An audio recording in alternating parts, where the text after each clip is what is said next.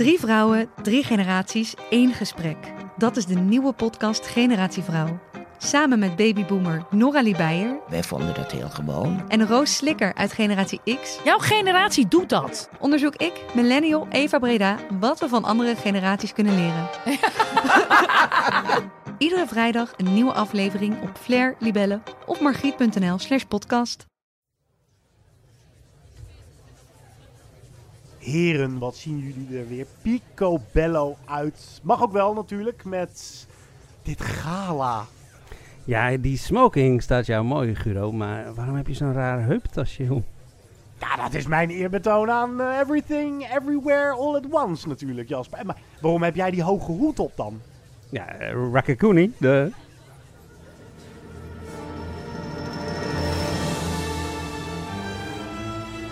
Good evening, ladies and gentlemen.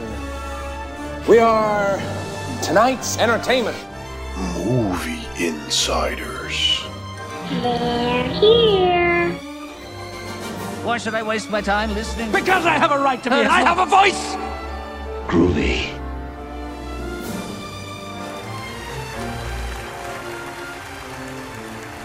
Hallo allemaal, welkom bij Movie Insiders en natuurlijk voor alle luisteraars een heel gelukkig Happy New Film Year.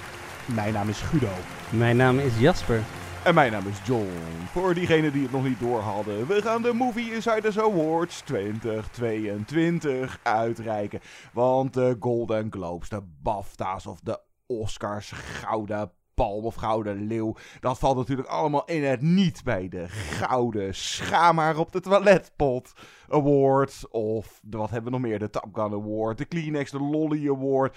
Wij reiken de winnaars en dan de nummer 2, de runner-up, uit categorieën van nou, Harry Lime Award voor de Scene Stealer. En we hebben het Niet Mijn Kopje Thee Award. Tussendoor geven we ook voor, ja, dat hoort erbij, even een, eh, een hoofd en een bijrol weg. Maar vooral lekkere, rare, maffe categorieën. En daarmee vieren wij voor de laatste keer filmjaar 2022.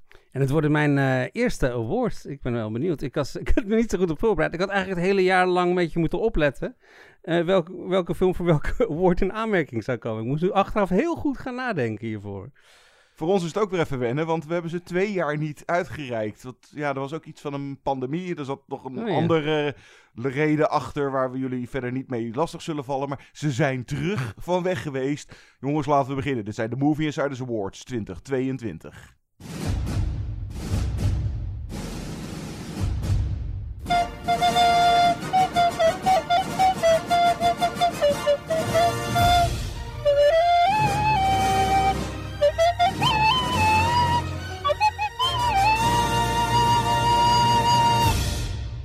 Ja, heerlijk dat we deze prijzen weer eens gaan uitreiken. En waarom is dit veel leuker? Omdat je anders weer die saaie beste cinematografie of beste editing.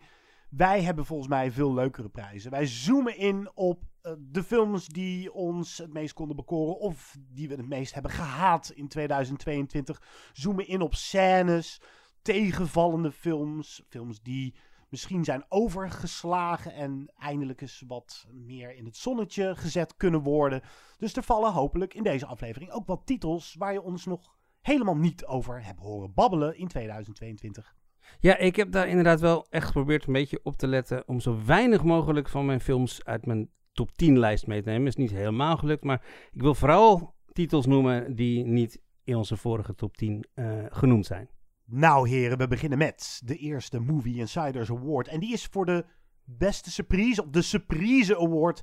Welke film verraste je het meest in het afgelopen jaar?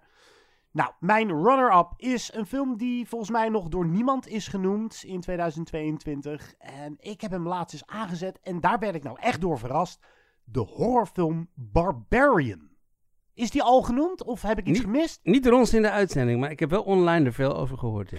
Ja, dit is zo'n film waar je eigenlijk niks over moet zeggen. Dus dat, Ja. dat doe ik dan ook maar niet. Maar dit is eh, eentje die speelt heel gemeen en slim met jouw verwachtingspatroon. Hij eindigt een beetje suf, maar Nou, zonder al te veel weg te geven, je denkt op een gegeven moment in een klassieke horrorfilm te zijn beland. En dan lijkt die te zijn afgelopen en begint er een soort nieuwe film. En dat klikt dan toch weer samen met het eerste deel wat je zag.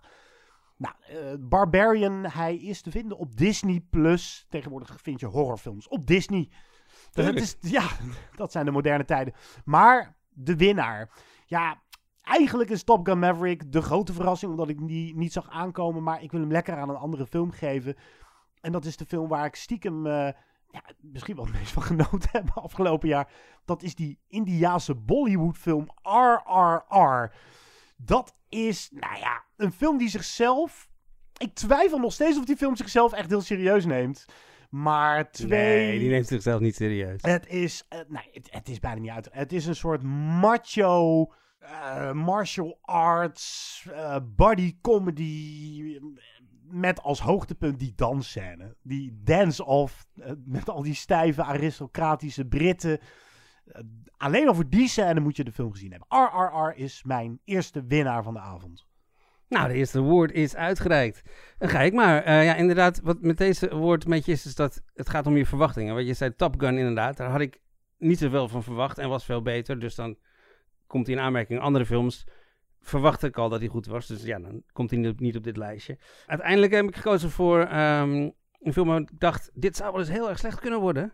Als je Nicolas Cage zichzelf laat spelen in een film. Maar het werd echt een heel erg leuke film. The Unbearable Weight of Massive Talent van Tom Corrigan. Ik, eh, ja, ook om te vertellen waar hij nou precies over gaat, is moeilijk te, eh, te zeggen. Laat het hier allemaal maar lekker achterwege. Ja, precies. Het is gewoon, hij neemt zichzelf niet serieus. Hij zet zichzelf volledig voor gek. En ja, hij beslaat zijn hele carrière hier een beetje mee. Ik vind het echt eh, geweldig. Maar voor mijn en nummer 1, de winnaar dus voor de surprise, heb ik een eh, Nederlandse telefilm. Een, een Nederlandse telefilm? Herman Oké. vermoordt mensen. Nou, dat klinkt al leuk. Ja, het is een film van eh, Joost Reiners en Thomas van der Ree. Die hebben hem geschreven en geregisseerd samen. En het gaat over een oudere man, een alcoholist. En die heeft hulp nodig, maar hij krijgt geen hulp. En dan bedenkt hij op een gegeven moment... Als ik nou naar de gevangenis ga, dan krijg ik daar hulp. Want dan zit ik in een instituut, dan krijg ik hulp voor mijn alcoholisme, voor andere problemen. Dus hij gaat iemand vermoorden. Maar niemand gelooft dat hij het gedaan heeft, ook al zegt hij dat hij het gedaan heeft. Dus vermoordt hij nog maar eens iemand. En nog maar eens iemand. En niemand gelooft dat die arme Herman die moorden echt gepleegd heeft. Ik vond het echt, ik had niks, ja, je, je verwacht niet veel bij een telefilm. En ik heb hier echt ontzettend van genoten. Oké, misschien eh, op NPO eh, te vinden. Zeker, ja. Gewoon een telefilm. Ja. De verrassing van het jaar, de surprise. Recipries, eh, voor eh, luisteraars die nog niet zo lang meegaan. Dat heb ik ooit eh, het patent op aangevraagd, geloof ik. Dat zijn remakes, sequels, prequels. En in dit geval, afgelopen jaar of dit jaar, wat was het, 2022, eh, een aantal, ja, waar je dus inderdaad van tevoren dat soort eh, remakes en sequels, je, je verwacht niet dat het nog wat eh, kan gaan worden. Nou, dus inderdaad, Top Gun Maverick ga ik ook maar niet voor. Dan ga ik voor mijn runner-up voor Prey. Wat, eh, ja, die, eh, wat is dat? De Predator prequel. Mhm. van- waar de Predators voor het eerst op aarde landen. En daartegen, wat was zij van Mohawk of van de nou, eh Indianenstam. die strijdt tegen de, de Predator.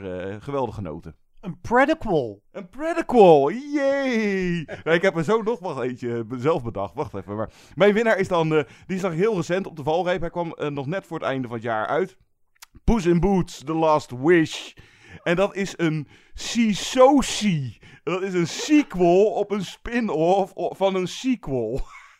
en het heeft lang geduurd, want die eh Puss in Boots, eh, de eerste, die was uit 2011. Dus dat is alweer dik tien jaar geleden.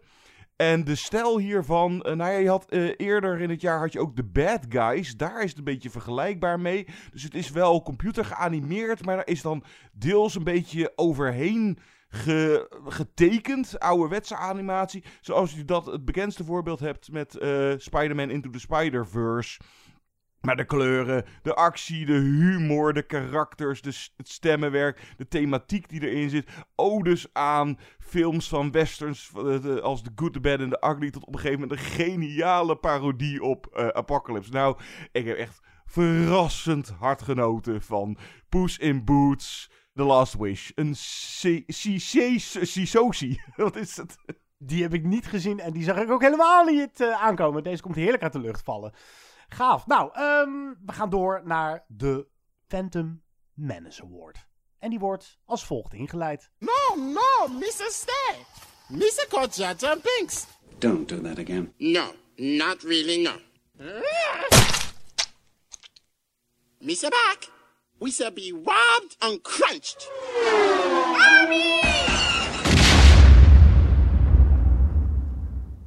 Mr. Back, Mr. Bustin with happiness seeing you again. This is very, very bad. Oh no!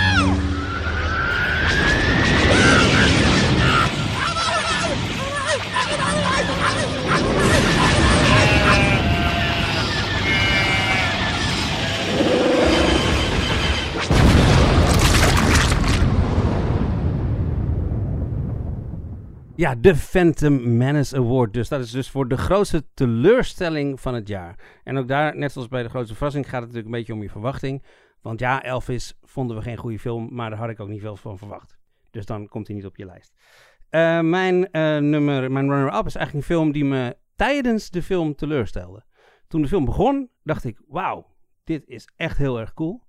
En hoe langer die duurde, hoe meer ik doorhad dat het een soort zelfingenomen ego-documentje van de heer Inarito is. Bardot. Ja, de opening, de opening dacht ik echt van wauw, dit is levend en, en, en prikkelt me en zo. En het zakte echt in elkaar als een plumpudding. En inderdaad, gaat het gewoon, eh, is het gewoon ego-strelerij. Mijn andere teleurstelling is helemaal geen slechte film. Maar ik had gewoon iets anders verwacht. Eh, dat is namelijk de card counter. Want ik hou erg van films die gaan over blackjack en over poker en dat soort dingen. Daar, en als je een film de card counter noemt, nou ja, ga je ervan uit dat de film daar ongeveer wel over zal gaan. Gaat hij niet over. Dus dat was één ding. Ten tweede is het Paul Schrader. Nou, dan denk ik aan First Reformed. Dan denk je aan, dat is de man die Taxi Driver heeft geschreven. Dat zal onwijs goed zijn. Het was best een goede film, maar op beide vlakken stelde hij teleur. Hij was lang niet zo goed als First Reformed. En het was geen blackjack film. Dus ja. Hij heeft wel de subste titel van het jaar. De Kaartenteller. Ja. Daar gaan we met z'n allen heen. Met het hele gezin, jongens. Ik vond dat een goede film, trouwens. Ik, ehm, ik heb hem heel lang geleden gezien op een filmfestival. En was aangenaam verrast. Ik vond hem een stuk beter dan de Paul Schrader die daarna kwam. Dat is The Master Gardener. Nou, ja. Hij, hij doet een beetje steeds hetzelfde, hè, Paul Schrader. Ja, hij ik kiest vond- een anti-held uit en die Ja. kleedt hij dan, Ja. psychologisch gezien, uit. Ja, en bij First Reformed werkte dat heel goed. En ja, bij Card Counter ook wel, maar ik had, ja, het staat gewoon onder First Reformed en dan is het een teleurstelling. De Phantom Menace Awards. eh, inderdaad, ja, je verwachting. Nou ja, als je zoals wij daar heel erg in thuis bent en je van tevoren al op Rotten Tomatoes ziet van hij heeft zo'n eh, score of wat dan ook. Dus ja, dan eh, hoe kan je verrast worden in het geval van de surprise of teleurgesteld worden in het geval van de Phantom Menace? Nou, mijn... Runner-up, ik vond Thor, Love and Thunder, hoewel je daar dan in te- van tevoren al wel over hoort van, ja, nou, het is niet zo.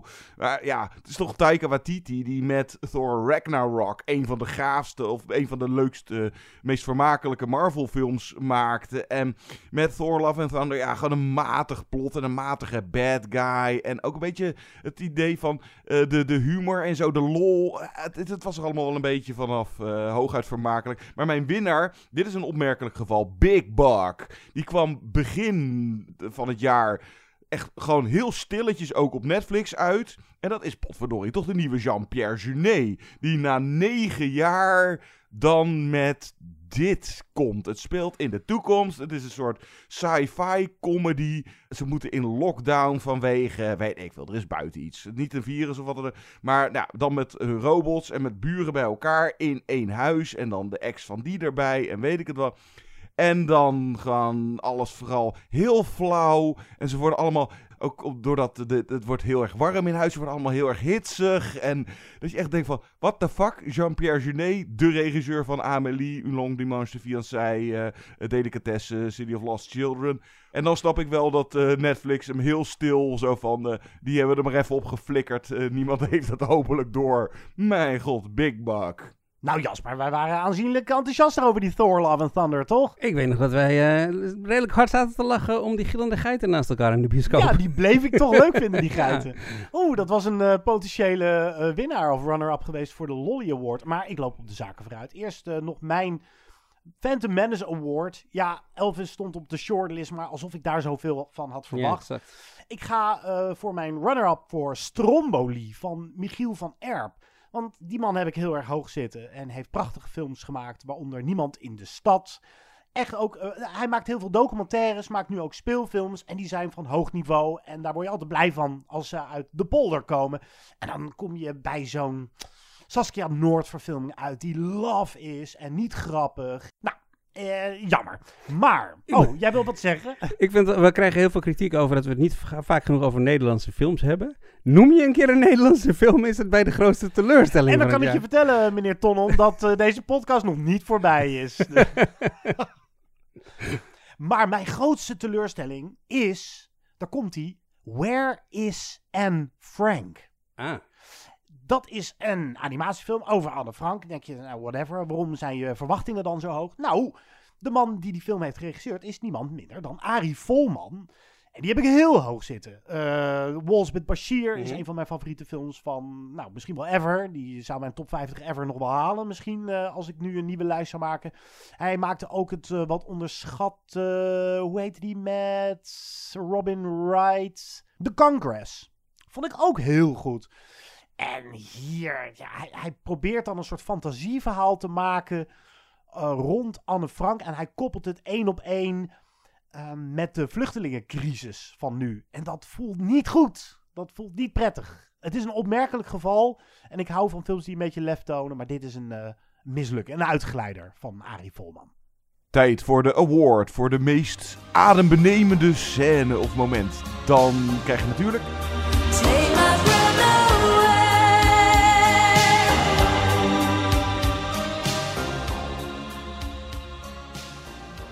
Ja, de Top Gun Award. En ik, eh, ik zal nog niet voor op de feiten vooruit lopen, want misschien dat één van ons drieën er wel voor gaat. Maar ik ga dus gewoon maar niet voor Top Gun Maverick, want dat, ja, dat zou te makkelijk zijn. Boe. Eh, eh, ik heb even gekeken, dus eh, de Movie Insiders Awards drie jaar geleden deden het voor het laatst. Toen... weet ik niet meer of de winnaar of de runner-up was. Maar toen had ik een documentaire, Free Solo, over die, eh, die bergbeklimmen. Nou, hier heb ik een, eh, als runner-up dan, ook weer een documentaire, The Velvet Queen. Eh, dat gaat over een Franse natuurfotograaf die samen met een bevriende schrijver dan in Tibet eh, gaan ze op zoek naar de sneeuwluipaard. Eh, Ik geloof dat is een beetje het meest zeldzame dier ter wereld om te zien. En het geduld wat die twee mannen hebben. En de film laat het ook zo mooi zien. Want het, nou, het duurt minstens een uur van de anderhalf uur. voordat dat beest eindelijk een keer in beeld komt. En dan komt hij een keer, eh, zie je hem. En dan beleef je met die twee mannen ook zo'n adembenemend. Even zo'n wauw-moment. Inderdaad, zo, ja, dat is hem. Dat is die fucking sneeuwluipaard. Ik doe me denken aan Steve Zissou of zo. Ja, zoiets. en dan had ik eh, drie jaar terug eh, een long take van Long Day's Journey into Night. En mijn winnaar voor meest adembenemende moment. De openingssequentie van Athena. Oké, er is wat gesmokkeld. Dat heb jij eh, vorige podcast, of de, de eindejaarsshow, heb je dat uit. maar dan nog, wauw, hoe ze dit voor elkaar hebben gekregen. Mijn bek lag redelijk open aan het begin van Athena. Het werd helaas net niet de hele film lang eh, volgehouden. Ja, Athena heb ik dus inderdaad er net even buiten gelaten, omdat hij gewoon heel hoog eh, in mijn toplijstje stond. En eh, daar had ik hem al besproken. Ik heb als runner-up eh, ook een openingsscène, geloof ik. Is het helemaal de openingsscène? Ik Denk het wel. Van In Westen Nichts Neues. De Oh, ja. scène waarin we dat ehm, uniform volgen. Dat ik vond dat ten eerste een prachtige geschoten scène. Maar gewoon wat die scène doet, is gewoon de hele essentie van de zinloosheid van die oorlog neerzetten. We volgen dat uniform. En die, die film vertelt ons met die scène gewoon van... Kijk, dat uniform is veel belangrijker dan die man die erin zit. Want dat is niet hetzelfde persoon. Die gaat gewoon meteen dood in de eerste scène. En het uniform gaat door naar de volgende soldaat. En daarna zal hij doorgaan naar de volgende soldaat en naar de volgende soldaat. Is de perfecte samenvatting van die hele film eigenlijk. Ja, hè? exact. Ja, dat vind ik er zo knap aan. Ja, dat je in je eerste scène gewoon eigenlijk je hele film samenvat. Maar dat is mijn runner-up. En eh, mijn eh, winnaar is een slotscène van een letterlijk volgens mij aan de beneden slotscène van The Innocents. Van Eskill Vogt. Oh, oh ja. Kijk, dit is ook waarom die Movie Insiders Awards zo leuk zijn. Is dat ik nu al keuzes hoor. Dat ik denk, waarom ben ik daar nou gewoon niet opgekomen? die Innocence heeft... eh, ik was de enige die me in mijn top Ja. 10 had staan. En het- ik ben er niet eens opgekomen. Dat was een goeie, ja. Ja, er, wordt, ja, er was ook letterlijk viel het geluid volgens mij weg hè, in die scène. Dus je, werd echt, echt alsof de lucht uit je weggepompt werd. En eh, ja, ik, ik ga niet vertellen wat erin gebeurde verder in die scène, want dan, dan spoil je die film. Maar het is echt, ik, nou, je haalt echt je adem in. Een Franse film hoor ik. Een, een Noorse thriller. Ik hoor een natuurdocumentaire. En Guido komt met iets uit Jackass. Mijn runner-up is eh, de vogelspinscène uit Jackass Ja! Forever. Oh, die was wel heel eng. Ja, de- ik, ik ben niet zo'n Jackass-fan, maar mijn zwager is er helemaal weg van. Mocht je luisteren, Jeffrey, het was gezellig, want dankzij jou vond ik het leuker. Maar in mijn eentje had ik, ik weet niet of, misschien was ik wel weggelopen. Ik kan er niet zo goed tegen, ook. Ik word er misselijk van. En ik werd hier ook een beetje misselijk van. Maar hier zit een scène dat twee kerels tegenover elkaar zitten. Zo'n plastic buis over een kop. En dan een vogelspin in het midden. En die kruipt naar een van die twee toe. Tenzij je heel hard blaast. Zodat die dat beest naar de ander gaat. Terwijl ik het zeg, eh, moet ik er toch wel weer om lachen. Ehm adembenemend vond ik dat. Want ik heb echt een teringhekel aan spinnen. Ja, ik heb, ik heb Jackass zelfs eh, op de eh, shortlist stond die voor mijn grootste teleurstelling. Want ik ben dus, Oh, ja? ik vind de eerste twee films wel echt heel leuk. Ik was ook fan van de serie. Ik heb ze ook ooit geïnterviewd. Maar eh, deze dacht ik van, nou, leuk, een nieuwe. En ja, ik, het was toch vooral een film over hoe oud ze geworden waren. Ja, maar ouder, maar niet minder brutaal of met minder lef, toch? Want nee, maar wel iets minder, iets minder grappig. Nou ja, ja, ja ik, ik, wat ik al zei, ik vind het ook niet echt super grappig. Maar Ja, jij vond het al niet grappig. Nee, dan- Waaghalserij. Ik bedoel, er zit een botox-scène in Ja. met een schorpioen. nou, als je Ja. dat leuk vindt. Ehm, ik ga dan voor de meest saaie winnaar. En dat is Top Gun Maverick. Kan ik eindelijk eh, deze categorie, de titel van deze categorie eraan doen, dan moet ik het ook doen. En het was ook het meest adembenemende moment wat ik had. Of momenten. Dus ik ga voor Ja, ik de hele zeggen film. welke, ja. Ja, fantastisch toch? Echt de lucht ingaan in het eh, CGI-tijdperk. Maar je hebt geen eh, specifieke scène, dus gewoon de, film als geheel eigenlijk. Ja, misschien die openingsscène is al fantastisch. Dat hij in zijn eentje even een, eh, een eh, retourtje stratosfeer maakt. Vond ik al gaaf. Hebben we nog een clipje voor de Citizen Kane Award? Oh ja, deze. De prijs voor nieuw talent. En het is ook een beetje een troostprijs. Want laat ik dan toch maar voor mijn runner-up gaan voor Austin Butler als Elvis Presley in Elvis. Het is geen klote film. En dat komt door hem. Hij is echt een overtuigende Elvis. En eh, ja, hij drijft eigenlijk al voor 80% op charisma. Hij krijgt een Oscar-nominatie. Het zou mij niks verbazen als hij misschien nog stiekem wint ook. Met eh, Rami Malek in je achterhoofd voor, ehm, hoe heet dat vreselijke ding? Bohemian Rhapsody. Ja, nou ja, dan heb ik toch nog liever Elvis dan Bohemian Rhapsody. Oh, trouwens, absoluut, ja. Maar goed, dat hebben we ook al lang en breed uitgemeten. Ik ga voor mijn winnaar, voor Nico van den Berg. Ik, eh, sorry, eh, Nico van de Brink. Dat is... Moet ik even uitleggen. Dat is een Nederlandse regisseur. Die heeft een paar shorts gemaakt. Maar die maakte het eh, afgelopen jaar een film die bijna niemand heeft gezien. Maar die echt eh, getuigt van heel veel talent. De horrorfilm Moloch met Sally Harmsen. Heel sfeervol gemaakt. Zoveel Nederlandse horrorfilms worden er niet gemaakt. Met veel bossen en mist en creepy geluiden. En heel mooi eh, geschoten wat betreft ehm, eh, ja, eh, daglicht en, en, nachtscènes. Een hele veelbelovende kerel. Ik zie graag meer van deze, van die Nico. Ja, ik besef me terwijl jij praat dat ik, ik, ik heb helemaal niet eens nagedacht over acteurs of actrices. Ik heb alleen maar over regisseurs gedacht. Oh ja, dat, eh, eh, ja. Had ik mezelf veel meer opties, want ik, ik vond het heel lastig. Ik had eh, een heleboel titels, dacht ik van, oh, die kan ik doen. Oh, die van Holy Spider, oh nee, die heeft eigenlijk al heel veel gemaakt. Eh, Gina Prince Brightwood voor The Woman King. Oh, die heeft ook al vier of vijf films op de naam staan. Ehm, ja, zo waren er nog wel een, een paar. Flea, dacht ik bijvoorbeeld, eh, die documentaire. Maar die bleek ook acht documentaires die voor gemaakt hebben. Dus dat is allemaal geen nieuw talent, dus het was een beetje moeilijk. Eh, Tom Corrigan voor ehm, The Unbearable Weight of Massive Talent, dat is wel een, een debuut. Eh, dus dat is dan maar mijn runner-up, want ik wil Athena en die Innocence niet weer noemen. Die hebben we nu wel gehad. En dan geef ik hem als winnaar toch maar aan een Nederlandse gewoon, het is niet echt een debuut. Maar Alina Rijn voor Bodies, Bodies, Bodies doet toch Oh. iets wat ik niet had verwacht. Ja, ze, ze maakt het echt haar film, volgens mij. Eh, het is een script dat ze eh, in eerste instantie aangeleverd kreeg en ze is het gaan herschrijven. En ze maakte echt een heel ja, vastberaden, eh, ja, sterke film van. Zonder... Ik eh, vond hem ook echt leuk hoor. ja, echt heel het is goed. haar tweede film trouwens, hè? Want Ja. zij maakte hiervoor die wat mindere film met eh, eh, Marwan Kenzari en Carice van Houten. Ik ben Ja. even de naam kwijt. Instinct. Ja, Ja, klopt. Ja, maar ik dacht, dit is haar Hollywood debuut. Dus dan mag ik, eh, mag ik het meenemen, toch?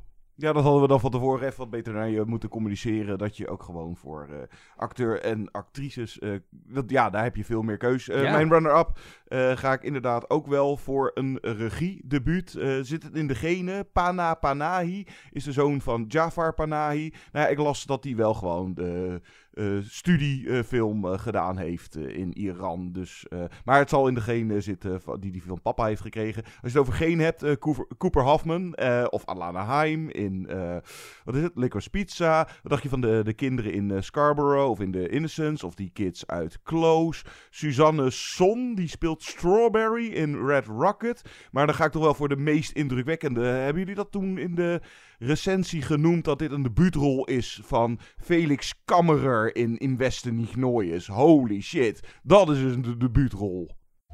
Are those my pants? Yeah, these are your pants. I found a Werther's original in the pocket, and I've been sucking on it all morning. You do know that I'm not a professor, right? Yeah, I know. You're just a dirty, dirty grandpa, and I'm just a girl from Long Island City who likes to fuck old people. I like your pull-out couch. Yeah. Well, I got news for you. That's the only thing that's going to be pulling out tonight. Ja, dus de Bertus Original Award, je hebt het net gehoord, dat is dus eh, een award voor iemand waarvan wij denken dat hij nodig is met pensioen moet. Waar we wel genoeg voor gezien hebben. Ik moet zeggen, ik vind het een heel lastige categorie, want ik vind altijd eigenlijk dat er gewoon zoveel mogelijk films gemaakt moeten worden en dat iedereen eh, fijn moet doorgaan met films maken. Dus ik vond het lastig. Ik eh, heb uiteindelijk als runner-up Baz Luhrmann eh, genomen. Want, Pikkelhard, zeg. Ja, want eh, ja, god, als je inderdaad, als je het met Elvis niet kan, met, met jouw stijl, ja, dan waar moet je daar nog heen? Als winnaar, ik wilde niet blond doen voor jou. Ik heb je gespaard. Nee, ik geef hem aan Ron Howard voor 13 Lives. Ehm, Die vond ik voor zijn doen wel weer een hele fatsoenlijke film. ja, het is, maar dat is het nou precies. Het zijn allemaal hele fatsoenlijke films. En het is degelijk, het is goed gemaakt. Maar dit is een verhaal wat in principe, eh, weet je wel, het, het is een waar gebeurd verhaal. Eh, het is heel erg indrukwekkend. En hij maakt er gewoon een degelijke film van. En eh, hij weet prima hoe hij zijn camera moet plaatsen en zo. Maar er zit geen echte artistieke visie achter. Hij maakt gewoon een degelijke film. En daar, iedereen had hem kunnen maken. Dan had hij ook het nadeel eh, dat vorig jaar al die veel eh, indrukwekkender documentaire over Ja. hetzelfde verhaal uitkwam, The Rescue. Ja, klopt. Ja. Maar inderdaad, als je met deze film eh, ja, met emotioneel niet weet te raken, dan ja, stop dan maar. Ik had hier kunnen gaan voor Sylvester Stallone, die mij weer teleurstelde in Samaritan. Maar ik hou nog een ge- geintje hoop dat hij weer eens wat doet dat wel interessant is. Ik ga heel erg out of the box denken voor deze prijs. Ik heb twee creaturen gekozen. En niet Predator, want Prey liet zien dat we inderdaad prima weer een Predator vervolg, sequel, prequel, hoe noem je dat ding? Een, een hadden we hem genoemd, kan, eh, kan maken. Ik ga eh, voor mijn runner-up voor de dino's. Die ik ben de dinosauriërs beu. Na Jurassic World Dominion. Ik hoef ze niet meer te zien. Ze zijn ook niet meer indrukwekkend. Toen Steven Spielberg ze introduceerde in Jurassic Park viel mijn muil open. En had hij zo een Top Gun Award kunnen winnen. Mocht de Movie Insiders Awards toen al eh, hebben bestaan. Maar het is ook gewoon een, eh, een film van niks eigenlijk. Eh, maar mijn winnaar, eh Vampiers. Vampiers ben ik echt zat. Alle mogelijke varianten hebben we gehad. En dan krijgen we Day Shift, die Netflix film met Jamie Foxx. En dan krijg je weer van die agressieve vampiers. En die worden in mootjes gehakt. En het was niet eens een waardeloze film. Maar ik dacht meer, ja hallo. Dit hebben we al zo vaak gezien. Ik hoef de komende 20, 30 jaar geen vampiers meer op een witte doek. Nou, maar wel op mijn kleine scherm. Want What We Do in the Shadows is echt een hele erg leuke Ah, comedy-serie. Oké, ja, ja, die moet ik dan nog zien. Nou En, ja, en mag dan in Toy Story Rexy ook niet meer meedoen? dat... ah, ja, je hebt me op zowel mijn runner-up gepakt als mijn winnaar. Ja, Rex is wel heel leuk, hè, in. Toy Story. Ja, die moet wel terugkeren. Nou, eh, niet de CGI-dino's dan. Oh ja, eh, Rex is ook CGI in Toy Story. Never mind. Doe toch maar gewoon Sylvester Stallone dan. De Weirdest Original voor, ja, wat moet dus met pensioen of wat is eh, over datum? Nou, drie jaar terug, toen we deze awards voor het laatst deden, reikte ik hem nog uit aan eh, Tim Burton. Nou, krijgt hij zijn snoepje terug, Wednesday. Ik vond het niet briljant, maar ik heb er toch ook wel enorm van genoten. Dan mag hij het snoepje misschien aan Jean-Pierre Jeunet eh, geven. Nee, laat ik, eh wat drie jaar terug ging ik er dan uiteindelijk net niet voor. Dan ga ik er nu toch wel voor, ook omdat we er, er zijn een paar jaar overheen gegaan.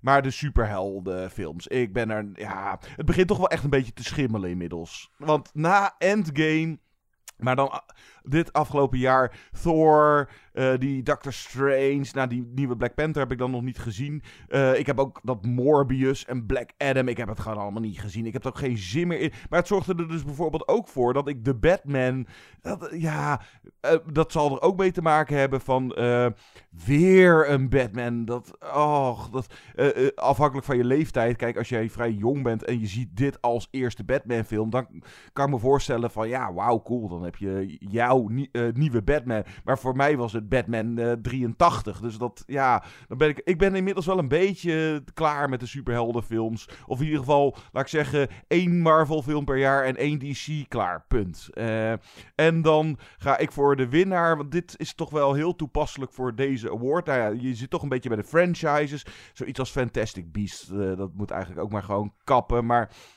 dat ze dan met die nostalgieporno. En dan had je echt dat ze de oudjes terughalen. Ehm, dus weer, eh, nou, bijvoorbeeld in Scream. Of dan in The Matrix. Of dan in Jurassic World. Inderdaad, de dino's, ja, daar ben ik ook wel een beetje klaar mee. Maar gewoon het idee van dat je dan de oude garde haal je weer terug om die nostalgie-porno even hard af te trekken, zeg maar.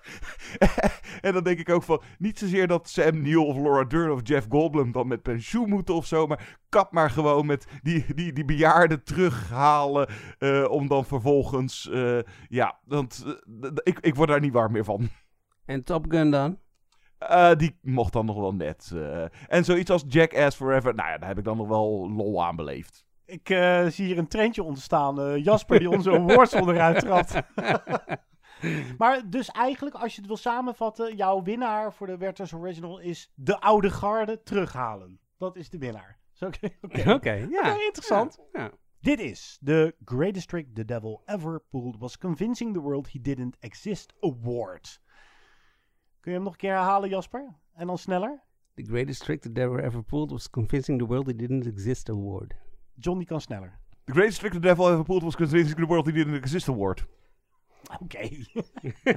Voor de beste quote van het jaar. Eh, dat vond ik een lastige. Er zitten hier quotes tussen die we de rest van ons leven bijblijven. Nou, dat weet ik niet. Het zijn een beetje saaie quotes uit de context. Daar had ik een beetje moeite mee. Maar eh, mijn runner-up eh, uit Guillermo del Toro's Pinocchio is What happens, happens, and then we are gone. De manier waarop dat wordt uitgesproken aan het eind, nou, daar kreeg ik wel een eh, flinke brok van in mijn keel. En een van de mooiste quotes ehm, die wel ook deze film typeert, was jouw nummer 1 van het jaar After Yang. Ik geloof dat je inmiddels op Letterboxd alweer ve- 50 keer geswitcht bent van nummer 1. Maar dat maakt niet uit, Jasper. Dat is There's no something without nothing. Die is me ook bijgebleven. Die, Die is vond ik mooi. heel mooi en ja, geeft precies aan waar die film over gaat en waar, waar die voor staat. Ja, mijn eh, runner-up is ook uit After Yang. Namelijk, what a caterpillar calls the end, the rest of the world calls a butterfly. Die ga ik ook onderuit trappen, want daar heb ik ook mee geflirt met dat idee. Mhm. Maar dat is al een bestaande quote. Die wordt aangehaald door een personage in After Yang. En daarom ben ik er dan niet voor gegaan. Hij Ja. is wel heel mooi. Maar weet je wat ik denk daarmee is? The greatest trick the devil ever pulled is een citaat uit de 19e eeuw. Ah, kijk, en dan trekt Jasper toch weer aan het langste eind. Ja, damn. Ja, ja, nee, echt al vanaf het begin. eh, eh, René Descartes heeft het al geschreven. Die schreef... eh, Le plus bel, le ruse du diable et de fou persuadé qu'il ne existe pas. Oftewel, the greatest trick that ever pulled was convincing the world he didn't exist. Dus daarom dacht ik, hè? Het is de titel van de categorie, dus dan mag ik het ook doen. en dan eh, mijn nummer 1. Ja, ook gewoon totaal uit de context. Ik vond het gewoon een leuke zin. It's a dangerous thing to mistake speaking without thought for speaking the truth. Uit, jeetje, ehm het hij komt me wel vaag bekend voor, maar... Hij is heel recent. Ja. Ja. Glass Onion. Glass Onion, oh ja, Glass Onion, daar hebben we het überhaupt nog niet over gehad. Het, eh, Nee, ja, die kwam uit natuurlijk na onze... Ja, hij 10, eh, is ja. eh, nu eh, populair op Netflix. Hij kwam vlak voor het einde van het jaar, eh, verscheen die. eh, ja, toch wel van genoten, maar niet het plezier eraan beleefd wat die eerste Knives Out eh, wel ha- had. Ja, ja, Ja. hij was wel lekker. Nou, ik vond hem eh, wel heel erg leuk hoor. Ik heb hem al twee keer gezien ook. Ik vond hem, Nou. echt, ik vond hem heerlijk. Ik had ook echt heel veel zin in zo'n soort film. Ja. Ja, ik had ook als eh, backup nog die eh, quote over dat, dat Kate Hudson dan denkt dat ze in sweatshops sweatpants verkopen. Die vond, die vond, ik, die vond ik echt grappig. Ja, ik ben dan wat eh, minder origineel eh, met eh, quotes. Noemen jullie Triangle of Sadness niet? Want daar wordt een hele quote strijd gevoerd tussen Ja. kapitein Woody Harrelson Ja. en die Russische iCell shit. Die van dat Engelse echtpaar die is ook wel leuk. I say Winston, I believe this is one of ours. of in den wolken. Ik riep het al in mijn top 10 van het jaar. Nou ja, mijn runner-up is dan om- gewoon echt een hele rake... Het, het vat eigenlijk de hele film samen uit de Levende Man... waarin zij zegt van... ik wil best kinderen, maar niet ten koste van een leven. En dan eh, ga ik voor mijn winnaar toch uit... eh EAO. eh, everything, Everywhere, All at Once. You're capable of anything because you're so bad at everything. en No More Google Eyes is ook leuk. We hebben natuurlijk heel recent de grote eindejaarshow gedaan. De top 10 beste films van 2022. Heb je hem nog niet geluisterd? Zet hem vooral even, even, even aan. Die show twee uur. Maar daartegenover, ja, er wordt natuurlijk ook een hele hoop troep gemaakt. Eh, de slechtste films van het jaar. De worst of the worst, ofwel de bloedworst. Exactly what am I enduring here? Can someone please tell me who gave birth to this? It's Bavarian blood sausage with sauerkraut. I gutted the pig myself. Ja, nou, ik zal eigenlijk beginnen. Samaritan was al genoemd, dus die ga ik, en die ga ik straks nog een keer kapot maken, geloof ik. Dus die, die sla ik even over. Ehm, ik heb als runner-up Cyrano. Hebben jullie die gezien? Ja, is dat heb een- ik al gezien, maar nou... Een musical van Joe Wright. Met... Slecht? Vond je hem slecht? Ja, ik vond hem echt verschrikkelijk Slecht? slecht. Oh, ja. wauw. Ehm, Peter Dinklage speelt de hoofdrol. De liedjes zijn prima. Er zit zelfs eh, er zitten hele mooie liedjes in, want het is gewoon een goede musical op zich. Maar ik vond de verfilming echt, eh, ja, kon er echt helemaal niks mee. Ik vond het wel mooi gemaakt en goed geacteerd. Ik kom er zo ook nog even op terug. Oké, nou, ben benieuwd. En dan ehm, mijn nummer 1, die gaat naar ehm, Emancipation. Dat is een eh, film van Antoine Fuqua, denk ik dat je dat zo zegt. Met Will Smith in de hoofdrol. Oh, ja, Ehm, is, eh, ja, die zwart-wit eh, op, eh, Ja, is die op is- Apple of op zoiets. Ja, het is niet echt zwart-wit. Het is een beetje de kleuren zijn een beetje uitgedraaid. Hij doet rare dingen met, dat- met, met de kleuren. Het gaat over eh, slavernij. Will Smith is een slaaf die ontsnapt en dan probeert naar het noorden te komen tijdens de, de, de Civil War. Maar het is echt een, een ramp. Het is echt, het zit echt helemaal niet goed Als. Will Smith daar nou een Razzie voor wint, wie gaat hij dan slaan? Dat, dat ben ik wel heel benieuwd naar. Ja, ik weet niet eens of Will Smith het zo slecht doet. Het is gewoon, het script is, het, het is gewoon echt niet goed. Maar het is jammer dat je hem nog niet gezien hebt. Ik weet echt eh, met het jaar eh, steeds meer die troep te vermijden. Ik heb ook echt het afgelopen jaar heel weinig worst gegeten. Eh, ik ben geen vegetariër hoor. Een stukje worst gaat er altijd wel in. Maar nou, runner-up, die Samaritan. Dus misschien ook zo fout dat het wel weer... Nou, het was ook echt niet leuk. Dat was, Nee. Ik heb wel een paar keer soort van eh, zitten lachen van... Oh, dit is echt eh, slecht. Maar eh, deze moet ik dan toch gewoon aan Bland geven. Ik paas hem zo door naar jou, Guido. Ja, kijk, slecht is met zo'n geval als Bland is ook weer zo van... Kijk, Anna de Armas is fantastisch als Marilyn Monroe. En de film doet echt wel interessante dingen. Hij slaat de plank alleen volledig mis. Ik vond dit... Ja, slecht is dus misschien niet het goede woord. Tenenkrommend. Ik vond Bland echt tenenkrommend. Echt dit... Oh, dit kon echt niet. Nou, daar heeft Guido wat over te zeggen, denk ik. Ja, wat moet ik daar nou? Ik heb toen een hele voicemail voor jullie ingesproken die jullie eh, hebben meegenomen in de podcast, waarin ik hem verdedig. Ik blijf hem verdedigen, want het is een film met enorme kloten. En dat hij daarbij, eh, of daarbij een beetje uit de bocht vliegt, dat vergeef ik de film graag. Het is nog steeds een waanzinnig raak portret. Mooi geacteerd, cinematografisch. eh, spettert het. Ehm, ja, ik vond hem echt eh, nog steeds heel fraai. Maar ik heb hem uiteindelijk... Jullie waren natuurlijk heel benieuwd of ik hem in mijn top 10 zou hebben gestopt. Ja, daar staat hij niet in. Daar zat hij niet in, omdat het toch ook een... Ja, het is een, niet dat ik erop ben teruggekomen, maar het is niet zo blijven hangen. Een beetje uit de bocht vliegt zo erg dat hij eh, in de stratosfeer bij eh, Top Gun eh, erbij vliegt. Goed, eh, er zijn echt wel slechtere films gemaakt. Namelijk mijn runner-up is The Takeover.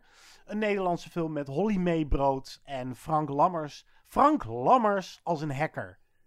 Een hacker. Ik, zeg- ik zeg het gewoon nog een keer, Oké, dan ja. kan het een beetje indalen. Frank Lammers als een hacker. Mhm. Als de hacker van Nederland. Dit is echt... Nou ja, als je eh, een film ziet over hackers... die zelfs van de net de Godfather weet te maken... dan doe je iets niet goed. Maar er is een andere Nederlandse film... die echt verreweg het slechtst was. Want ik weet die troep niet te vermijden... want ik kijk voor mijn werk ook heel veel bagger. Hart op de juiste plek. Hart op de juiste plek. die, die titel alleen al. Ja, ik ga hier niet heel lang over. Maar het is het, het meisje van de grote stad gaat terug naar haar familie op het platteland. En daar botst het. Daar botst het. Tussen de, de, al de, de, de, de boerenmensen daar. En oh jee, maar ik kan hier geen latte macchiato krijgen bij een, eh, bij een hip tentje. Maar het ergste nog van die film is. Hier, deze, deze film presteert het om flashbacks te laten zien van gebeurtenissen die zich tien minuten eerder hebben afgespeeld. Ik verzin het niet. Maar dan om, omdat ze het publiek niet vertrouwen dat ze dat nog weten of zo. Omdat ze gewoon niet weten wat ze moeten doen. Omdat er gewoon geen idee was. Het- dit is eh, precies waarom er zo'n probleem is met de Nederlandse film. Dat is dat ook romcoms kun je, je... Er bestaan prachtige romcoms. We moeten eens een keer een hele Movie Insiders wijden als een ode aan de mooie romcom. Want die zijn er volop. Deze behoort daar niet toe. Ik moet zeggen dat ik wel steeds blijer begin te worden dat ik Herman Vermoord Mensen zo er helemaal in heb geprezen. Ze hebben nu gewoon een Nederlandse film positief Hey, ik behandeld. noemde net de Moloch, die Oh ja, eh, horrorfilm, ja. die echt heel prima is ook. De volgende award wordt geïntroduceerd door Orson Welles. Well, what the fella said. Mentally, for 30 years under the Borgias, they had warfare, terror, murder, and bloodshed, but they produced Michelangelo, Leonardo da Vinci, and the Renaissance. In Switzerland, they had brotherly love.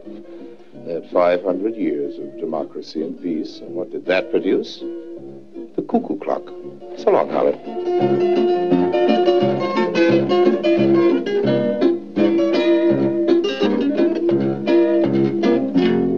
De Harry Lime Award. Harry Lime zat in The Third Man.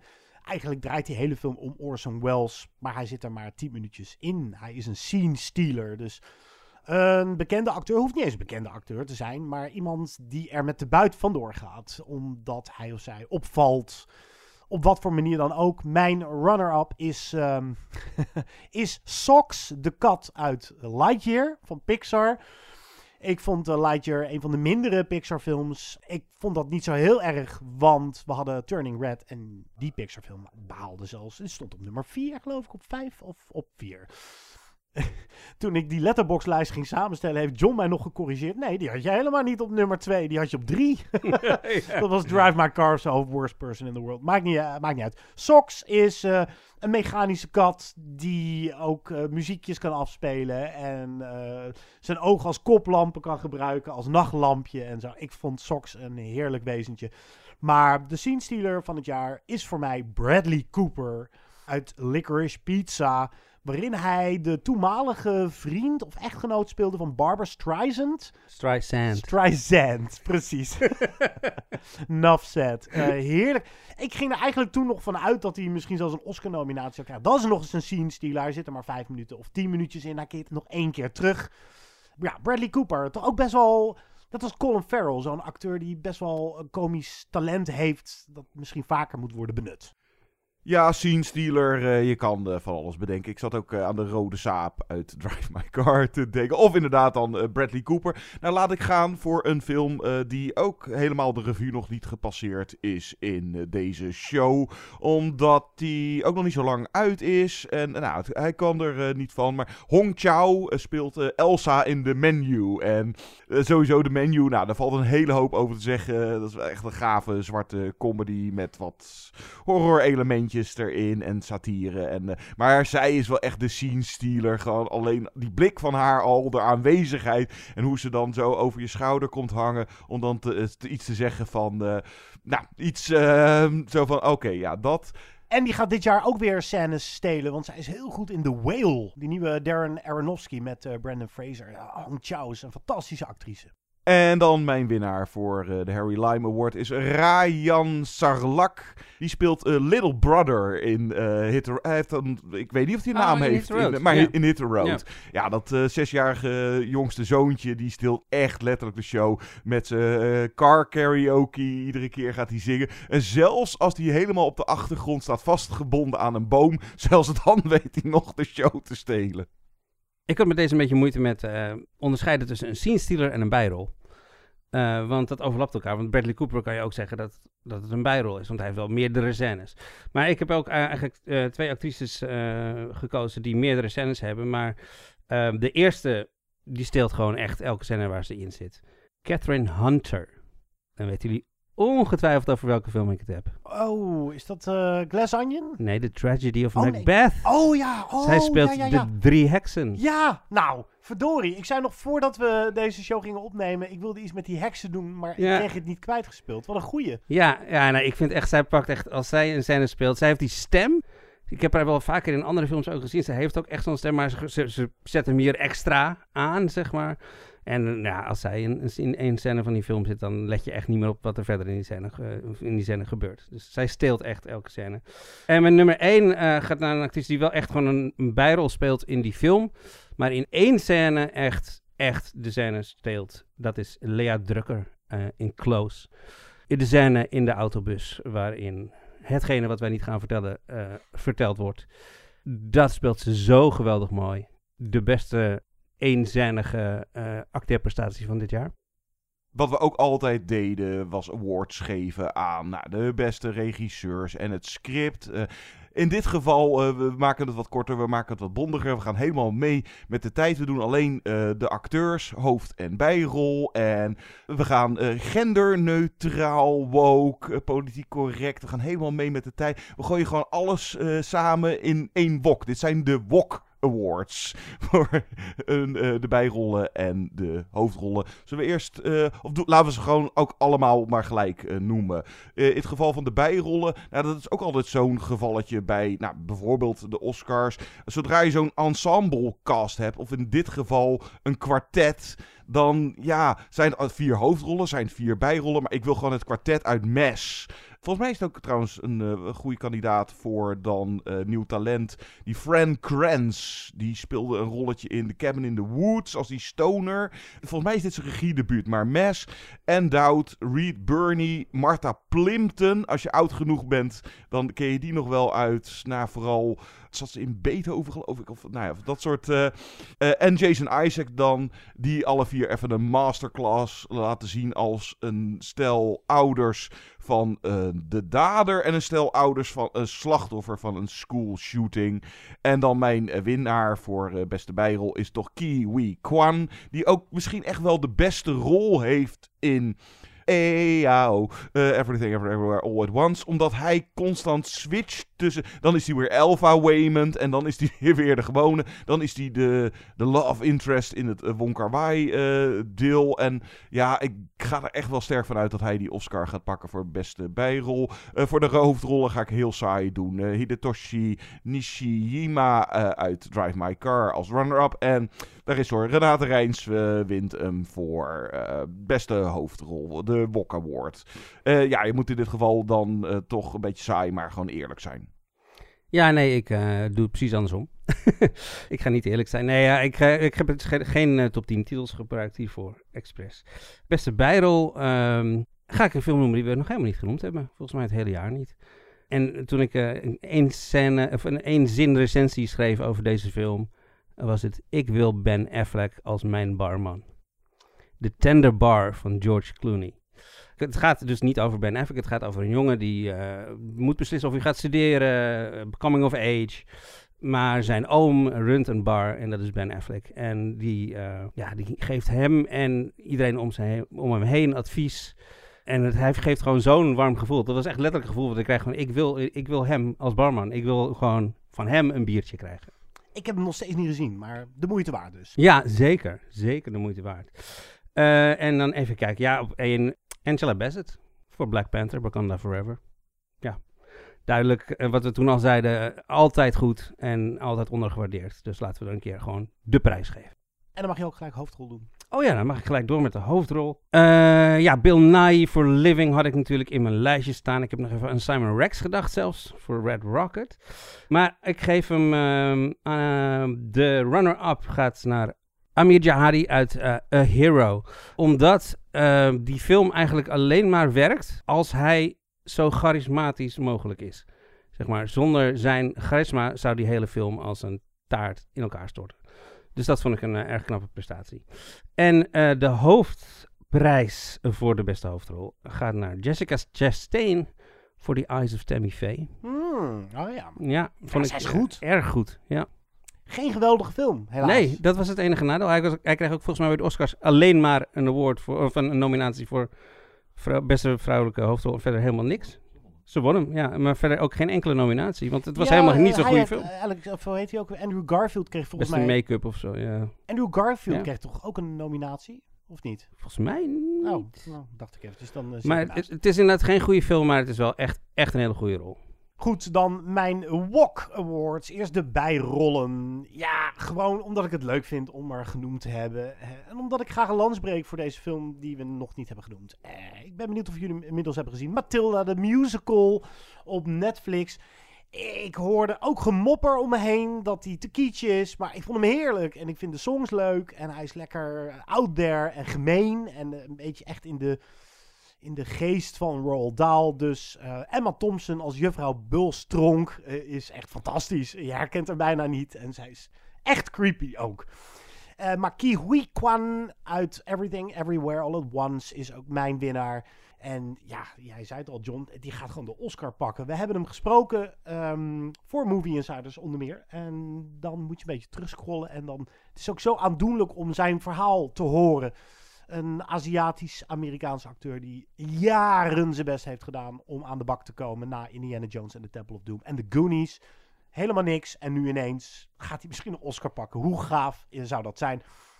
Voor de beste hoofdrollen. Ja, mijn eh, winnaar is daar Michelle Yeoh uit Everything Everywhere All at Once. Ik vind haar fantastisch. Eh, sowieso, ik waardeer haar. Ze is een veteranen. Ze is ook de belichaming, vind ik, van deze film. Omdat zij zowel knettergek als hysterisch als heel aandoenlijk en schattig en ontroerend kan zijn. En mijn runner-up is dan iemand die heel... Ja, dit wordt een spoiler trouwens. Dit is een spoilerprijs. Een spoiler hoofdrol. Oké. Oké, dus ik ga eerst de filmtitel noemen. En als je hem nog niet gezien hebt, dan kun je hem even, even nou, eh, 30 seconden vooruit spoelen. Man, de horrorfilm van Alex Garland. Rory Kinnear speelt echt, eh, nou ja, iedereen uit het dorpje waarin die film zich afspeelt. En dat doet hij weergeloos. Echt fantastisch. Eh, soms heel komisch, eh, dan weer heel creepy, als een enge vikker. Rory Kinnear is fantastisch. En in de laatste scène ondergaat hij een soort van wedergeboorte in een wedergeboorte in een wedergeboorte. Ik zag hem in het, op het filmfestival van Cannes. En daar stond hij daarna op het podium voor een Q&A. En ik was gewoon blij om hem te zien. Zo van, hij leeft nog. En ik gaf hem echt een dik applaus toen. Want eh, dat moet geen makkelijke rol zijn geweest. Allemaal bijrollen maken samen één hoofdrol, toch? Ja, zeker. Ja, als hij geen hoofdrol had, dan weet ik het ook niet meer. En eh, we doen dus inderdaad eh, regie en scenario slaan we gewoon helemaal over. Want we dachten, ja, dan gaan we allemaal gewoon dezelfde titels noemen. Dan gaan we allemaal Joachim Trier noemen of zo. Toch? Bijvoorbeeld, hé, misschien hadden we hem toch moeten doen. Ja, ik- Vertwijfelde blikken hier aan tafel. Ik dacht, ik dacht eigenlijk Shakespeare. Bijvoorbeeld. ja. That's a fake laugh. It's real! De Lolly Awards. De, waar heb je het hardst om gelachen? Laughing out loud. Ik moet zeggen dat ik eh, voornamelijk hard lach om films als ik in een bioscoopzaal zit. Dus de setting maakt daarbij nogal uit. Eh, als je een film thuis kijkt, dan eh, landt die vaak landen grappen anders, lach je minder mee met het publiek of zo. Ik heb heel hard gelachen eh, om de hotdog scène uit Everything Everywhere All at Once. En dan vooral de 2001 eh, verwijzing die daarna komt. Waarom? Want dat, ze leggen ook nog even uit hoe het komt dat iedereen hotdogvingers heeft. in die 2001 verwijzing. Dat maakt hem zo geniaal. Dat maakt hem zo geniaal. Ja, de dat je ziet, van de hotdog-universums. Ja. je ziet de laatste man met normale vingers vermoord worden door een aap met, met hotdogvingers. Eh, ja, toen daar lag ik echt helemaal dubbel. En verder moest ik natuurlijk erg hard lachen om de, zoals Jonathan noemde, kotstsunami uit Triangle of Sadness. Ja, ik denk dat ik eh, hiermee dan ook een beetje, nou ja, saai. Ja, ik moet gewoon eerlijk zijn. Waar heb ik echt het hardst om gelachen? Nou ja, het was met beide films die ik dan heb, dat het opbouwend naar een hoogtepunt, inderdaad, mijn runner-up, Triangle of Sadness. Het begon, eh, eigenlijk die hele cruise-sequentie, of dat, eh, wat is dat, het eh, tweede deel. Dat het eerst heeft over jullie moeten allemaal gaan zwemmen. Allemaal van de glijbaan. Dan op een gegeven moment dat die storm begint, dan staat Woody Harrelson als de kapitein staat daar al schu- eh, schuin staat hij, omdat de boot niet meer, niet meer recht is. Dan komt dat gekke wijf over, ja, de zeilen moeten gewassen worden. Omdat vervolgens dat Woody Harrelson een hamburger met frietjes wil, in plaats van dat luxe rotvreten. En dan inderdaad, eh, het, het culmineert allemaal in de, de- nou, een kwartier lang kotsende, schijtende rijke lui. Dat, eh, ja, ik eh, heb goed hard gelachen. Maar ik heb toch het allerhardst gelachen inderdaad over eh, Everything Everywhere All at Once. Het, nou, het begon al met Kiwi Kwan met zijn heuptasje. Dan op een gegeven moment... Ja, nou, Death by Dildo door ik, ik kan de naam nu al niet meer uitspreken. Eh, om dan vervolgens dat met die badplaks. Nou, en het was, wij zagen deze Guido samen in de persvoorstelling. En ik kan me nog eh, goed herinneren dat ik. Nou ja, een paar weken daarvoor of zo had ik mijn corona-besmetting gehad. En ik moest zo hard lachen bij deze film dat het echt het deed gewoon pijn. Ik moest gewoon hoesten en, en blaffen en echt het, ik had gewoon echt letterlijk pijn van het lachen bij EAO. Ja, ik kan nu voor een andere gaan, omdat ik dezelfde winnaars had als, als jij, John. Dus de buttplug scène, denk ik het grappigst ook. Ja, ehm, de hotdog scène, ja, die had ook zomaar gekund. En jij haalt de eh kotscène aan uit Triangle of Sadness, maar dat specifieke element van Woody Harrelson, die daar schuin staat, vind ik zo simpel. Maar daar heb ik het hardst om gelachen. Ja, dat was en ik zag hem geniaal. in Cannes en dat is een vrij stijf, serieus publiek. En ik was in mijn eentje zo hard en ik bleef er een beetje in hangen ook. Eh, ja, geweldig. Eh, laat ik dan gaan voor mijn runner-up voor ehm, Pedro Pascal en Nicolas Cage die samen drugs gebruiken in Mm. eh, The Unbearable Weight of Massive Talent. En dan vooral zo over dat muurtje moeten klimmen tijdens een chase. Dat vond ik echt eh, geniaal. Dus laat dat dan mijn runner-up zijn. Na het lachen komt het huilen. Ow! Ow! What's going on? I cried candy. Try the caramel, it's delicious. Ja, echt, echt huilen, echt tranen met tuiten. Eh, nou, dan ook weer niet. Ik moet eigenlijk gaan voor Pinocchio, maar dat, dat, was ook, dat waren allemaal ingehouden tranen. Het is ook, dat zijn ook tranen die ik bij me heb gehouden en nog steeds voel opwellen als ik eraan terugdenk. Zo mooi is die film. Ik ga dan toch voor mijn runner-up voor Close. eh, en dan wel voor de scène die jij heel terecht niet hebt gespoilerd. Iets met een schoolbus. Mhm. Ehm, dat vond ik echt uitermate ontroerend. Mijn winnaar is uit een documentaire. Huilen bij een docu. Eh, hoe mooi is dat? Navalny. Zo'n eh, documentaire waar ik ernstig heb geflirt om die in mijn top 10 mee te nemen. Want die vond ik echt steengoed. Die kijkt ook als een pakkende thriller. Maar dat Navalny afscheid moet nemen van zijn vrouw eh, voor the greater good. Dat greep mij zo ontzettend aan. En laat ook zien waarom documentaires zo belangrijk zijn dat ze gemaakt worden. Als je naar het 8 uur journaal kijkt, dan krijg je de kale, koude feiten mee. Maar bij een documentaire ontwikkel je eh, er echt een gevoel bij. En gaat iets veel meer leven. En dat deed Navalny zo eh, geweldig. Ik heb als runner-up ook een documentaire. eh Eh, en dan eh, de scène waarin hij... eh, nou, je, je hebt al zijn hele geschiedenis meegekregen in de documentaire.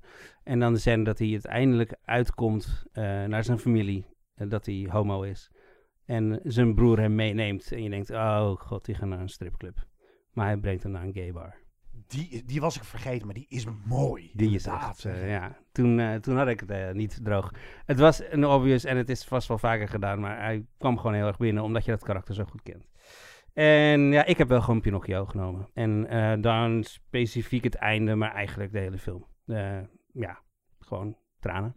Oké. Ja, ik eh, ben sowieso een makkelijke huiler. En ik heb dit jaar. Nou, dat viel me dan uh, het afgelopen jaar echt op dat er enorm veel knuffels, enorm veel omhelzingen. Bijvoorbeeld ook wat dacht je van de Madres Paralelas van mm -hmm. uh, die hebben we nog niet eens genoemd. Zelfs de poster is een omhelzing. nou, die uit Drive My Car. Er zit er eentje in Scarborough. Mijn runner-up ga ik dan voor Close. Daar zit aan het einde ook een prachtige omhelzing in. En ik denk dat ik bij Close toch wel echt het hardst gehuild heb. Oh, trouwens, EAO heeft ook een uh, mooie omhelzing tussen moeder en dochter aan het einde.